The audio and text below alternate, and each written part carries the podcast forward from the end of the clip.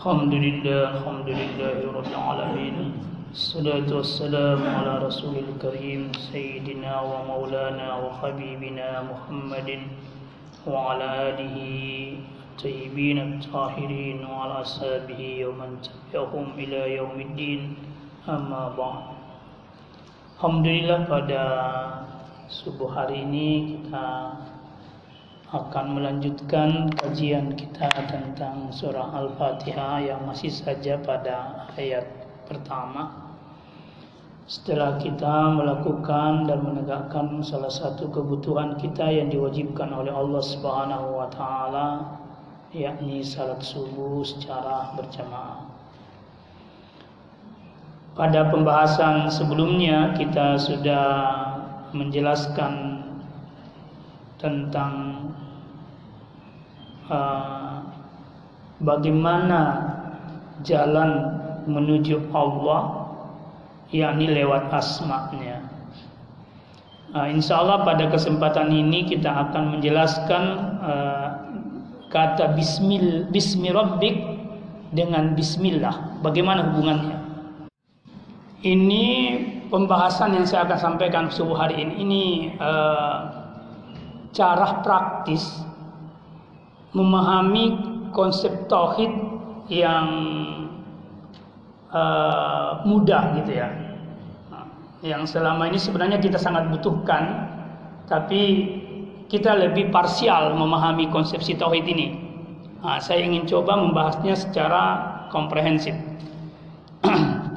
Jadi kita lihat Bismi Rabbik dengan nama Tuhanmu ayat yang pertama Tuhan itu turun itu ikra bismi rabbik. Bacalah nama Tuhanmu. Jadi ada yang mengatakan bacalah atas nama Tuhanmu. Itu banyak pengertiannya. Tapi saya ingin katakan bacalah isma rabbik.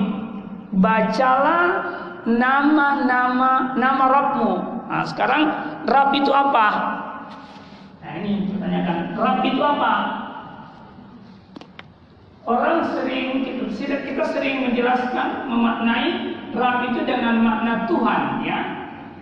Nah, makna ini sebenarnya nggak salah, tetapi makna ini menyembunyikan sekian banyak makna.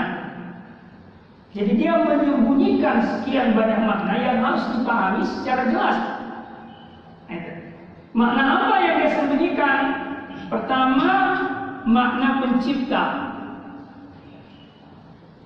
makna pemilik, makna pengatur, makna pemelihara, makna pemberi kebajikan atau pendidik dulu.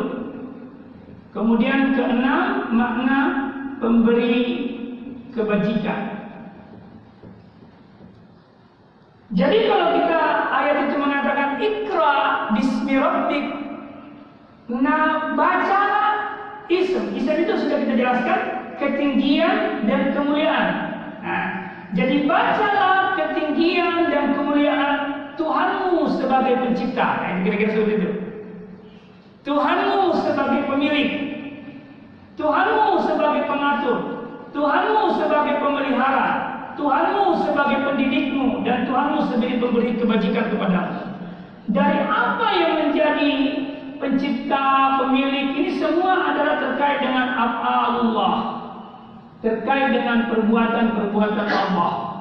Dia yang mencipta, dia yang memiliki, dia yang mengatur, dia yang memelihara, dia yang mendidik, dia yang memberi kebajikan.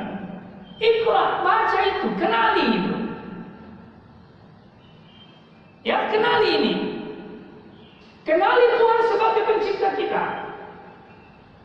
Kenali Tuhan sebagai pemilik kita.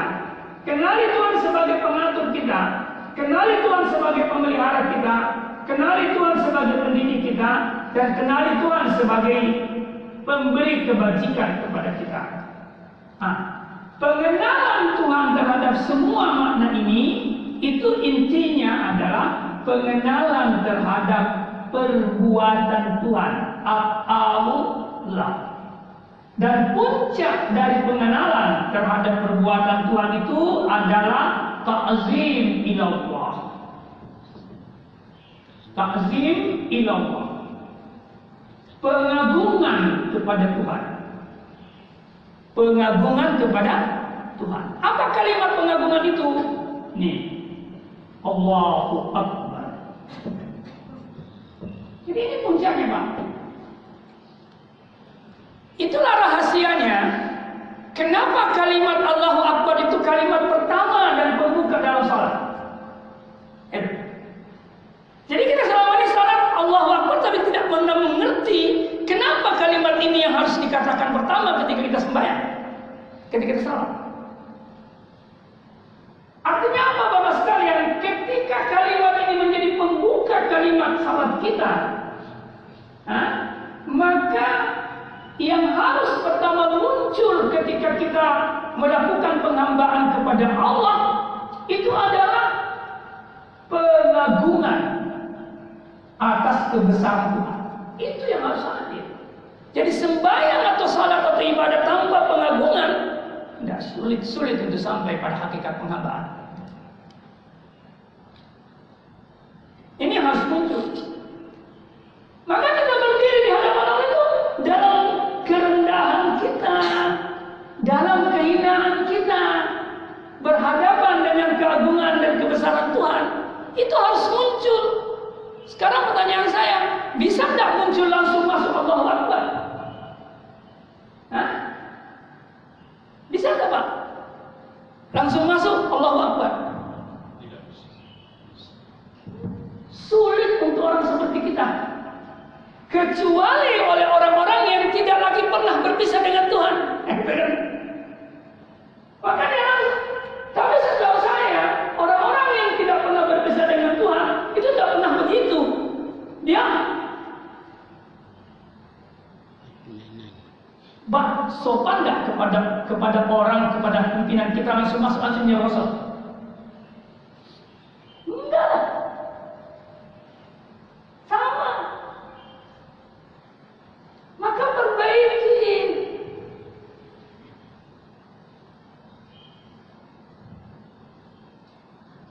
Jangan pernah lempar takdirmu sebelum kau hadirkan keagungan dan pengagungan Tuhan.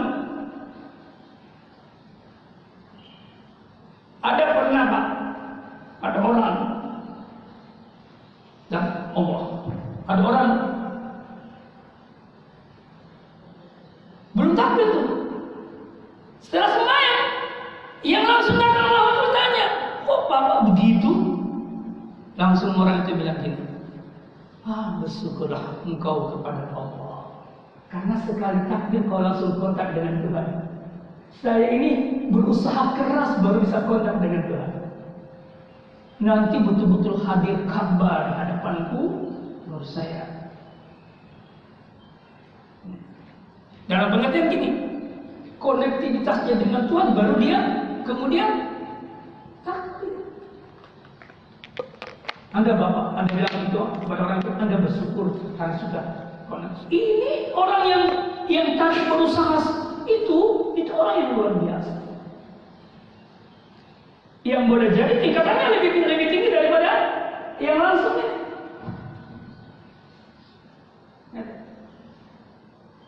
Tapi kalau saya melihat orang yang langsung begitu, prasangka baik saya, oh ya dia sudah connect dengan Tuhan. Saya tidak bisa, saya belum bisa untuk connect seperti itu.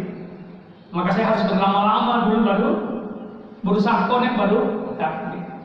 Itulah sebabnya Bapak sekalian doa menuju menuju masjid itu ada. Apa doa menuju masjid? Minta kepada Allah, ya Allah saya menuju masjid mencari redamu, bukan mencari kemukaanmu. Jadi itu harus berjalan terus itu, hadir terus dalam hati, sehingga orang masuk masjid baca doa itu lagi, kontak dengan Tuhan. Jadi bukan sekedar berjalan. Nah, kita kembali ke sini. Jadi puncak dari kesadaran akan kebesaran dan keagungan Tuhan lewat perbuatan Tuhan itu kalimat Allahu Akbar. Karena itu tidak ada Bapak sekalian satu ibadah yang dilakukan di dalam ajaran Islam tanpa kalimat ini. Hmm. Puasa Ramadan, adakah kalimat ini Pak?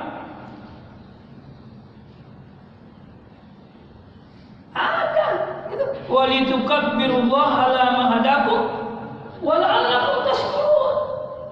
Agungkan Tuhan atas petunjuk yang Dia berikan dan bersyukurlah dengan kemampuan engkau mengagungkan dan kemampuan engkau bersyukur kepada Allah. Ini. Kalimat azan didahului dengan kalimat apa? Ini kan. Allahu Akbar. Ujungnya apa? La ilaha illallah. Artinya apa, Pak? Orang hanya bisa berilah kepada Allah. Hah? Melakukan penyembahan kepada Allah kalau dia mengerti keagungan dan kebesaran Tuhan. Karena itu azan didahului dengan kalimat Allahu Akbar. Ujungnya kalau kau sudah paham kebesaran dan kebesaran Allah, keagungan dan kebesaran Allah, maka insya Engkau sujud kepada Allah dengan pengagungan. Ini syarat pertama penghambaan. Kalau penghambaan itu ingin sampai pada hakikatnya.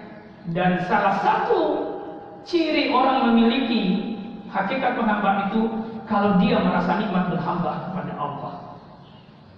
Eh, kalau dia merasa nikmat menghamba kepada. Jadi kalau kita belum merasakan nikmat seperti saya juga yang merasakan nikmat harus berusaha. Karena merasakan nikmat itu sebenarnya bukan buah dari usaha, bukan sering, bukan buah dari usaha kita, tapi perdere nasruye. Pemberiannya Tuhan, tapi Tuhan itu akan memberikan kita kalau kita mau. Pertanyaannya itu mau enggak? Contohnya apa Bapak sekalian? Uh, ada orang pernah bilang sama istrinya ketika istrinya bilang begini, uh, Bapak ke masjid saya gitu jamaah. Suaminya tuh bilang gini Pak, dia apa soalnya? Suaminya tuh begini, ah pergi jamaah itu kalau ada hidayah. Nah, saya bilang suami itu nggak paham. Hidayah itu sudah ada. Persoalannya mau ambil atau tidak. Nah ini kan. Hidayah itu sudah ada. Persoalannya mau ambil atau tidak. Kalau anda mau ambil Tuhan kasih mudah. Kalau anda tidak mau ambil Tuhan tidak kasih mudah. Kalau kita mau merasakan nikmatnya penghambaan, pertama tekad kuat tidak mau merasakannya, maka insya Allah Tuhan kasih. Tapi kalau tidak Tuhan tidak kasih. Apa buktinya bahwa kita tekadnya kuat? Kita punya action, kita punya tindakan. Nah, itu. Tindakan pertama ilmui. Nah, itu. Jadi ini landasannya pertama dalam penambahan, dalam peribadatan. Maka Tuhan Makanya ayat yang selalu Tuhan turun yang pertama Tuhan turunkan sampai di 19 surah, 18 sampai 19 surah itu selalu isma rabbik. Selalu kata Allah, bukan kata Allah. Ini menurut saya memberikan mengisyaratkan makna bahwa pahami Rabb Tuhan Allah sebagai Rabb itu. Pahami Allah sebagai Rabb. Allah pahami perbuatan Tuhan yang mencipta, yang memilikimu, yang mengaturmu, yang memeliharamu, yang mendidikmu, yang memberikan kebajikan. Pahami ini. Kalau kita sudah paham ini, kita akan mengatakan Allahu Akbar. Kalau kita sudah paham ini, kita akan berkata Alhamdulillah, bersyukur kepada Allah, berterima kasih kepada Allah, dan wujudkan terima kasih itu dalam penghambaan. Ini. Di sini landasan penghambaan sebenarnya. Ini mana pertama. Saya tidak langsung masuk ke sini, saya gambar umumnya saja dulu. Dari makna ini juga, ya, dari makna semua ini, maka saya berkesimpulan jalan menuju Tuhan itu banyak. Dan ilmu menuju Tuhan itu banyak. Maka bidang ilmu apa pun yang dipelajari oleh manusia itu jalan menuju Tuhan. Karena semua membahas tentang perbuatan Tuhan. Ilmu apa? Ilmu tumbuhan. orang yang belajar di tumbuhan itu mestinya ilmunya sampai kepada Tuhan, mengantarnya kepada Tuhan. Karena tumbuhan itu di situ banyak sekali tanda-tanda kebesaran dan keagungan Tuhan. Tentang hewan banyak sekali di sana. Tentang manusia banyak sekali di situ. Tapi kenapa ilmu-ilmu itu selama ini tidak mengantar kebanyakan pemiliknya kepada Tuhan? Karena dia diputus dari sini. Sebelum diajarkan tidak pernah diberitahu. Ini perbuatan Tuhan ya. Ayo. Di situ masalahnya Pak. Langsung dia belajar ilmunya, tapi dia tidak pernah connect dan hubungkan dengan Tuhan. Maka ilmu itu tidak mengantarnya kepada Tuhan. Di situ kesalahannya. Itu kesalahan epistemologis namanya dalam filsafat. Mestinya dijelaskan ini sumbernya dari Allah. Yang mengajarkan ini Allah. Semua yang yang ada di sini adalah Allah. Menggambarkan kebesaran dan kesatuan. Kalau itu diajarkan, maka semua orang yang belajar ilmu-ilmu umum ini akan menjadikan ilmunya sebagai jalan menuju Tuhan. Ya. Bahkan saya berkata, kalau saya mengajar di kelas-kelas yang praktis seperti ini, saya berkata, misalnya saya ngajar, saya pernah ngajar lama di kedokteran, saya pernah berkata sama Anda itu lebih cepat bisa sampai kepada Tuhan dibanding saya. Saya bilang begitu, Pak. Saya baca Quran tentang ayat-ayat kebesaran Tuhan, tentang ayat tanda-tanda kebesaran Tuhan. Tapi saya tidak mengerti ayat kebesaran Tuhan itu bagaimana. Anda langsung belajar tentang ayat itu. Siapa yang lebih cepat sampai Anda atau saya terkait dengan ayat Tuhan itu? Anda. Tapi kenapa Anda tidak sampai kepada Tuhan? Karena Anda dipotong dari Tuhan. Padahal Anda tidak bisa terpotong dari Tuhan sebenarnya. Tapi orang yang ngajarin itu tidak sampai, tidak, tidak mengajarkan ke sana. Itu pertama. Jadi ilmu apa pun yang dipelajari oleh manusia adalah dia belajar tentang perbuatan Tuhan dan pembelajarannya tentang perbuatan Tuhan sesungguhnya mestinya sejatinya seyogianya mengantar dia menuju Tuhan. Itu kuncinya. Maka ketika Tuhan pertama kali memperkenalkan dirinya lewat Ram, maka dia berkata untuk Bismillah. Nah, itulah sebabnya kenapa di pra eksistensi kita sebelum kita dicipta atau sebelum kita hadir ke dunia itu sudah ada perjanjian ya alastu bilang coba deh alastu ini saya jelaskan alastu birobbi bukankah saya Rabbmu yang menciptakanmu yang memilikimu yang mengaturmu yang memeliharamu yang mendidikmu yang memberikan kebajikan kepadamu? Kita mengatakan bala syahidna benar. Kami syahidna ini tidak disebut alimna pak Tuhan tidak mengatakan bala alimna kami sudah ilmui tidak tapi dia mengatakan syahidna artinya apa rububiyah Allah harus disaksikan Nih, harus disaksikan, bukan sekedar diil, diilmui. Makanya kalimat syahadat itu pakai ashad, tidak pakai alam. Nah, ini kan kita mengatakan ashadu an la ilaha illallah. Kita tidak berkata a'lamu an la ilaha illallah. Enggak, dia pakai ashad. Kata ashad ini tidak bisa diganti dengan kata alam. Saya mengetahui tidak. Saya harus mengatakan saya bersaksi. Nah, sekarang pertanyaan, persaksian bagaimana yang benar dan dapat dibenarkan? Persaksian berdasarkan il, ilmu. Jadi syahadat kita harus didahului dengan ilmu. Nah, ini. Tidak boleh tidak didahului dengan ilmu. Kalau dia tidak didahului dengan ilmu, tidak berbekas. Maka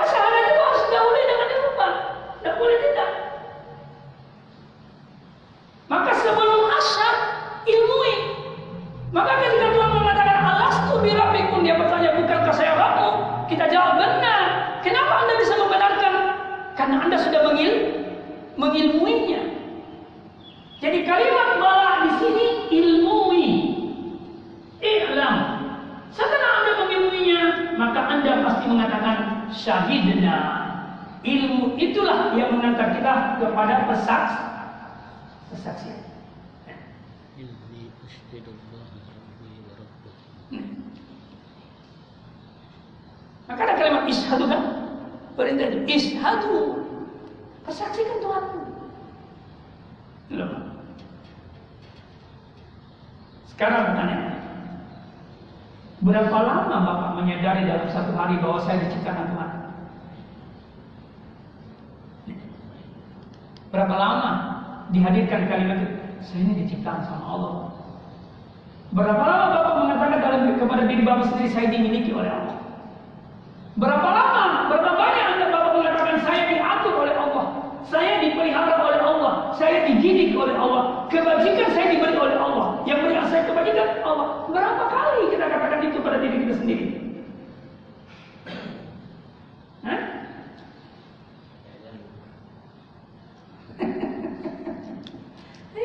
Pak. Kita tidak melatih diri untuk selalu berkata seperti itu kepada diri kita. Maka kita melakukan sesuatu itu seperti tidak sadar. Saya menanya, benarkah kita sadar bahwa kita sementara menekankan salat? Sadar bahwa kita sembahyang? Sadar tidak bahwa kita lagi ber- berhamba kepada Allah? Itu pertanyaannya.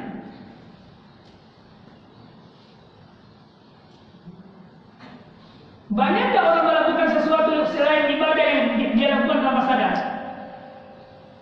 Banyak banyak sekali. Banyak sekali perbuatan kita yang kita lakukan tanpa sadar.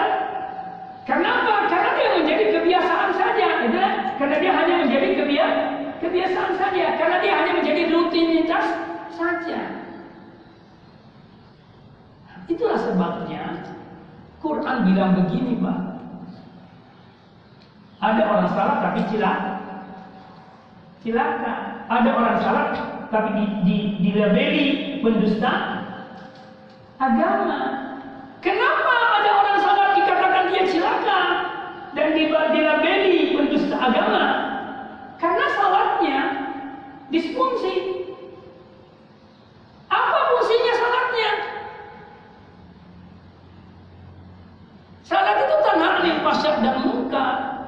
Salat tapi dia juga masih dalam kemungkaran. Salat tapi dia juga dari masih dalam kepahisan.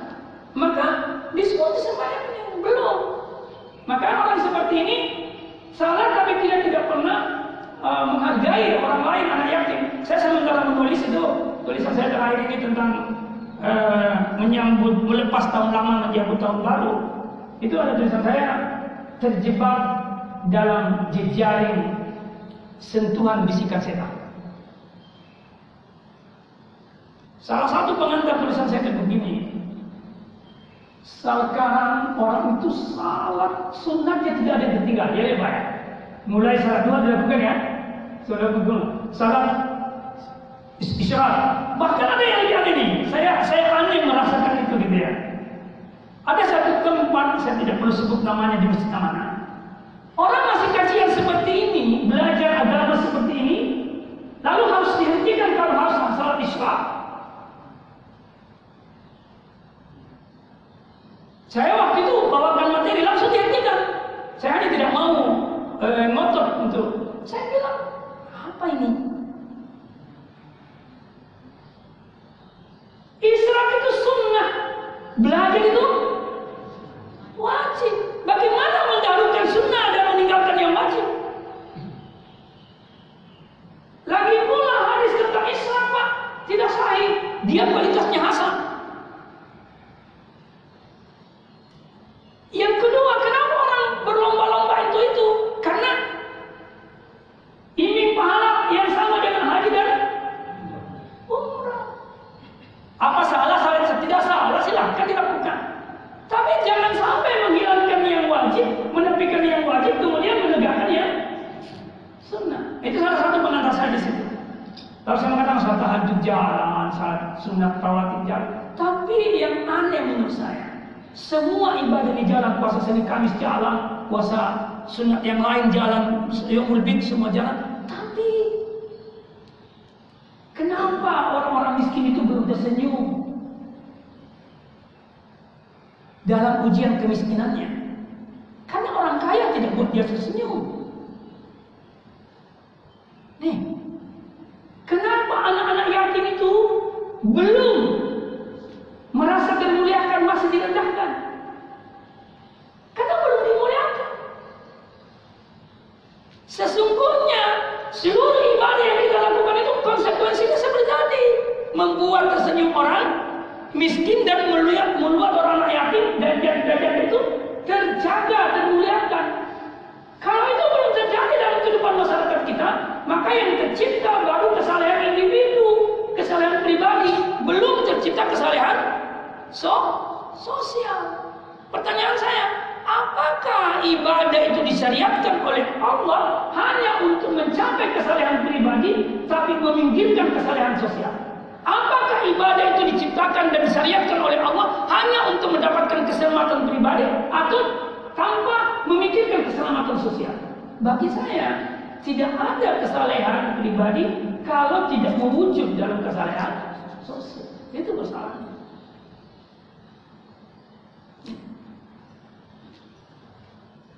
Contoh ini, tapi ini kalau saya jelaskan, saya jelaskan di tulisan saya itu, saya dimusuhi oleh orang-orang yang punya travel.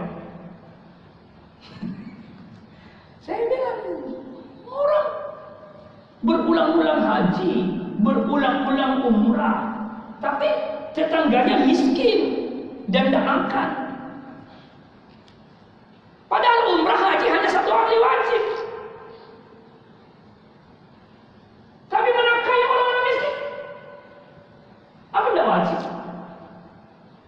Tugas orang yang punya kelebihan harta itu menafkahi orang-orang miskin. Jangan membuat orang miskin itu merasa susah dengan kemiskinannya. Karena Tuhan tidak mau menyusahkan hambanya. Karena itu Tuhan titip kekayaan kepada orang kaya supaya dia gunakan untuk membuat tersenyum orang-orang miskin. Kemiskinan dan kekayaan tidak pernah hilang di dunia ini sampai kiamat, akan. Tidak akan. Itu ujian Pak, ujian kehidupan. Tapi bagaimana bagaimana ujiannya orang kaya? Ujian kehidupan orang kaya itu adalah ketika dia diuji dengan kekayaan, buat tersenyum orang miskin. Itu, ujiannya. Maka dia berhasil kaya kalau dia diuji dengan kekayaan. Dia berhasil dengan ujian kekayaan itu kalau orang-orang miskin yang dia jangkau bisa dia buat tersenyum. Dan itu buah ibadah, Pak. Itu buah ibadah. Itu buah ibadah.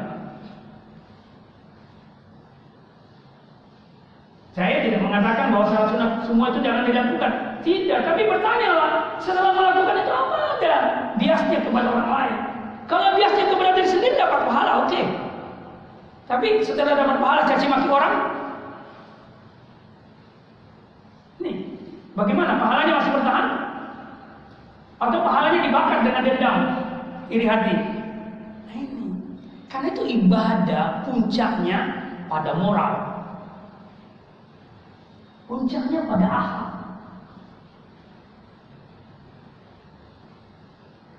Satu lagi Pak, mungkin kita rasakan di, di, di BTP, kita rasakan. Mudah nggak mempersatukan orang BTP?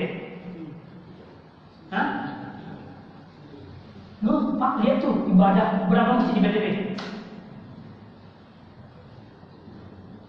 Hampir seribu ya Pak? Dapat bukan seribu, hampir sekian ratus ya? Iya, saya pernah ditanya di ujian desain saya, yang tanya itu orang profesor yang ada di BTP yang uji saya. Dia bilang, ini orang sudah maju Islamnya menjadi. Kenapa? BTP saja itu ratusan. Saya iya pak, coba lihat ratusan berapa masjid yang tiga sab subuhnya.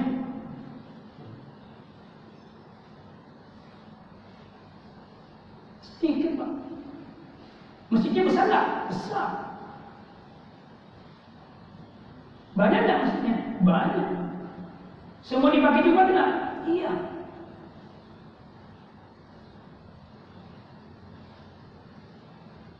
Kalau mau pakai paham yang menurut saya lebih dekat pada kebenaran, mestinya masjid-masjid kecil itu ya yang dalam satu perkampungan itu misalnya muamalah jadi pusat blok A jadi pusat misalnya maka masjid-masjid yang lain itu ditutup di hari Jumat. Semua bergabung sana. Bahkan ada ulama yang mengatakan sulit ditentukan mana masjid yang sah Jumatnya. Sah dibanding ketika seperti itu. Makanya dulu ulama itu karena sekian banyak masjid itu dia mengatakan yang paling cepat selesai itu yang yang paling ini. Nah, itu masalahnya. Nah, jadi saya kembali. Jadi ibadah yang kita lakukan itu harus kita persoalkan dengan diri kita sendiri dengan mengoreksi akhlak kita. Apakah ibadah saya sudah menghasilkan akhlak atau tidak? Kalau dia tidak menghasilkan akhlak, belum itu maka bersalah. Tapi sekali lagi untuk menghasilkan anak yang baik itu memang tidak susah, tidak gampang. Itu itu susah sekali. Tidak gampang, tapi harus diusahakan. Karena itu harus ada otokritik setiap hari. Yang kita harus lakukan. Berapa hari hari ini saya mencaci orang? Berapa hari ini saya merasa lebih baik dari orang lain? Catat tuh. Berapa hari ini saya tidak melihat orang lain? Berapa hari ini saya ambil haknya orang? Dicatat Bapak, jangan yang dicatat. Alhamdulillah saya sudah salat sunat Isra. Alhamdulillah saya salat sunat tahajud. Jangan, tak usah itu. Tak usah itu. Yang dicatat keburukan kita, bukan kebaikan kita. Cukuplah malaikat yang mencatat kebaikan kita. Tak usah kita yang catat. Catatan malaikat yang bagus daripada catatan kita. Yang kita harus catat keburukan kita.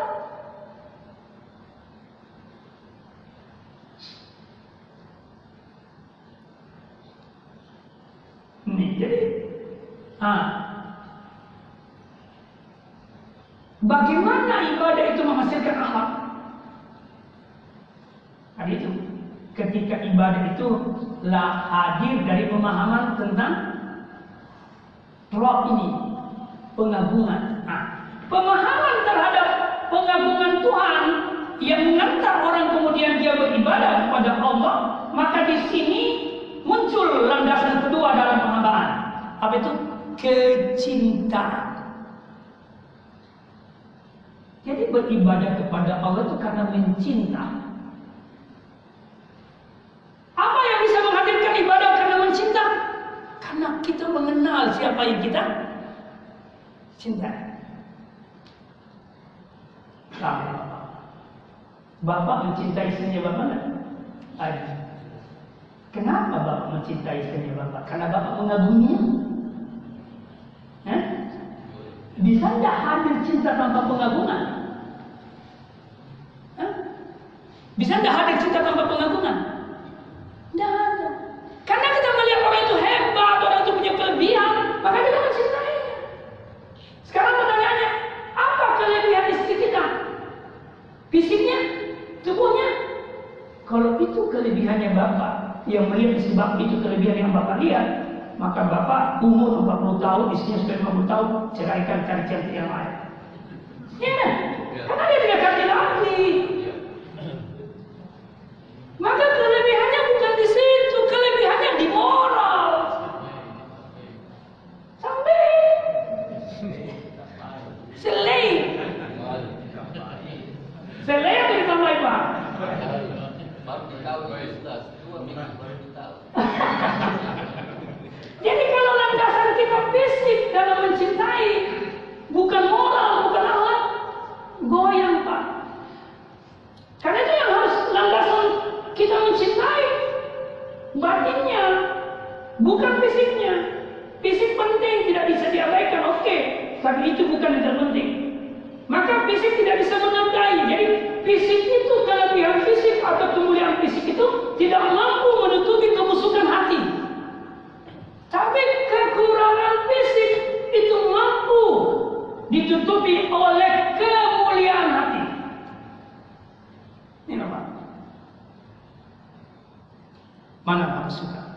Istri buruk rupa tapi akhlaknya mulia atau istri yang cantik tapi akhlaknya buruk?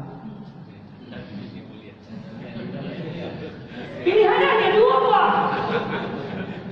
Dengan apa suka? Kalau bapak pilih yang cantik tapi akhlaknya buruk, bapak tidak pernah tenang hidupnya.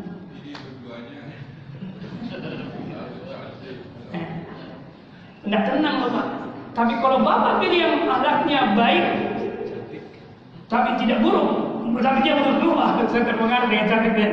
Tapi dia buruk rumah, bapak tenang-tenang aja. Contoh sederhana, disimpan ke mana pun tidak ada yang tertarik, ya kan? Kecuali bapak, ya kan? Karena hanya bapak yang mengenalkan, kita pun mesti meninggalkannya. Ya, tenanglah kita. Tapi kalau kita ciri cantik, dia ber, bersolek lagi keluar. Bapak silakan dia sendiri pergi, bapak di rumah sendirian. Wah, bapak curiga pasti ada yang menarik. Melihatnya, bapak tidak pernah tenang hidupnya. Maka landasan ketenangan itu karena calm ini hati ini. Nah, dari sini juga saya pesankan, istri itu harus mengandalkan akhlaknya bukan kecantikannya. Harus mengandalkan.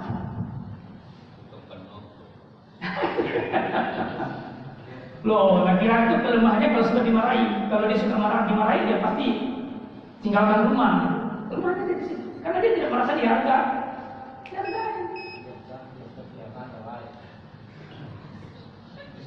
Iya, nanti yang penting alatnya baik. Benar. Itu yang dicari memang ya, idealnya begitu. Begitu. Tapi kan cantik itu loh, Pak. Siapa yang pernah bilang cantik, tidak cantik itu eh siapa penyanyi yang sangat Desi Ratnasari, siapa yang pernah tidak bilang cantik itu? Tidak ada orang yang tidak bilang cantik itu. Tapi bapak tertarik sama Desi tak? Enggak. Ya kan? Desi cantik, ini cantik. Bapak tertarik? Tidaklah, anda tertarik kok. Saya tidak pernah tertarik sama saat ini. Karena cara pandang saya tentang cantik bukan di situ. Itu soalnya. Nah, ini baru Oke lah Pak. Jadi sini, saya kira ini sudah jam 6, salah kita lanjutkan. Ingatkan saya baru sampai di sini loh. Belum kita masuk di sini. Allah itu siapa? Baru bilang. Tapi saya ingin sekali kesimpulannya. Penghambaan itu landasannya pengagungan dan menyadari kebesaran dan kebesaran Tuhan yang kemudian menghasilkan cinta. Ini harus jadi landasan penghambaan kita. Maka penghambaan itu akan jadi nikmat. Itu kesimpulannya. Terima kasih. Assalamualaikum warahmatullahi wabarakatuh.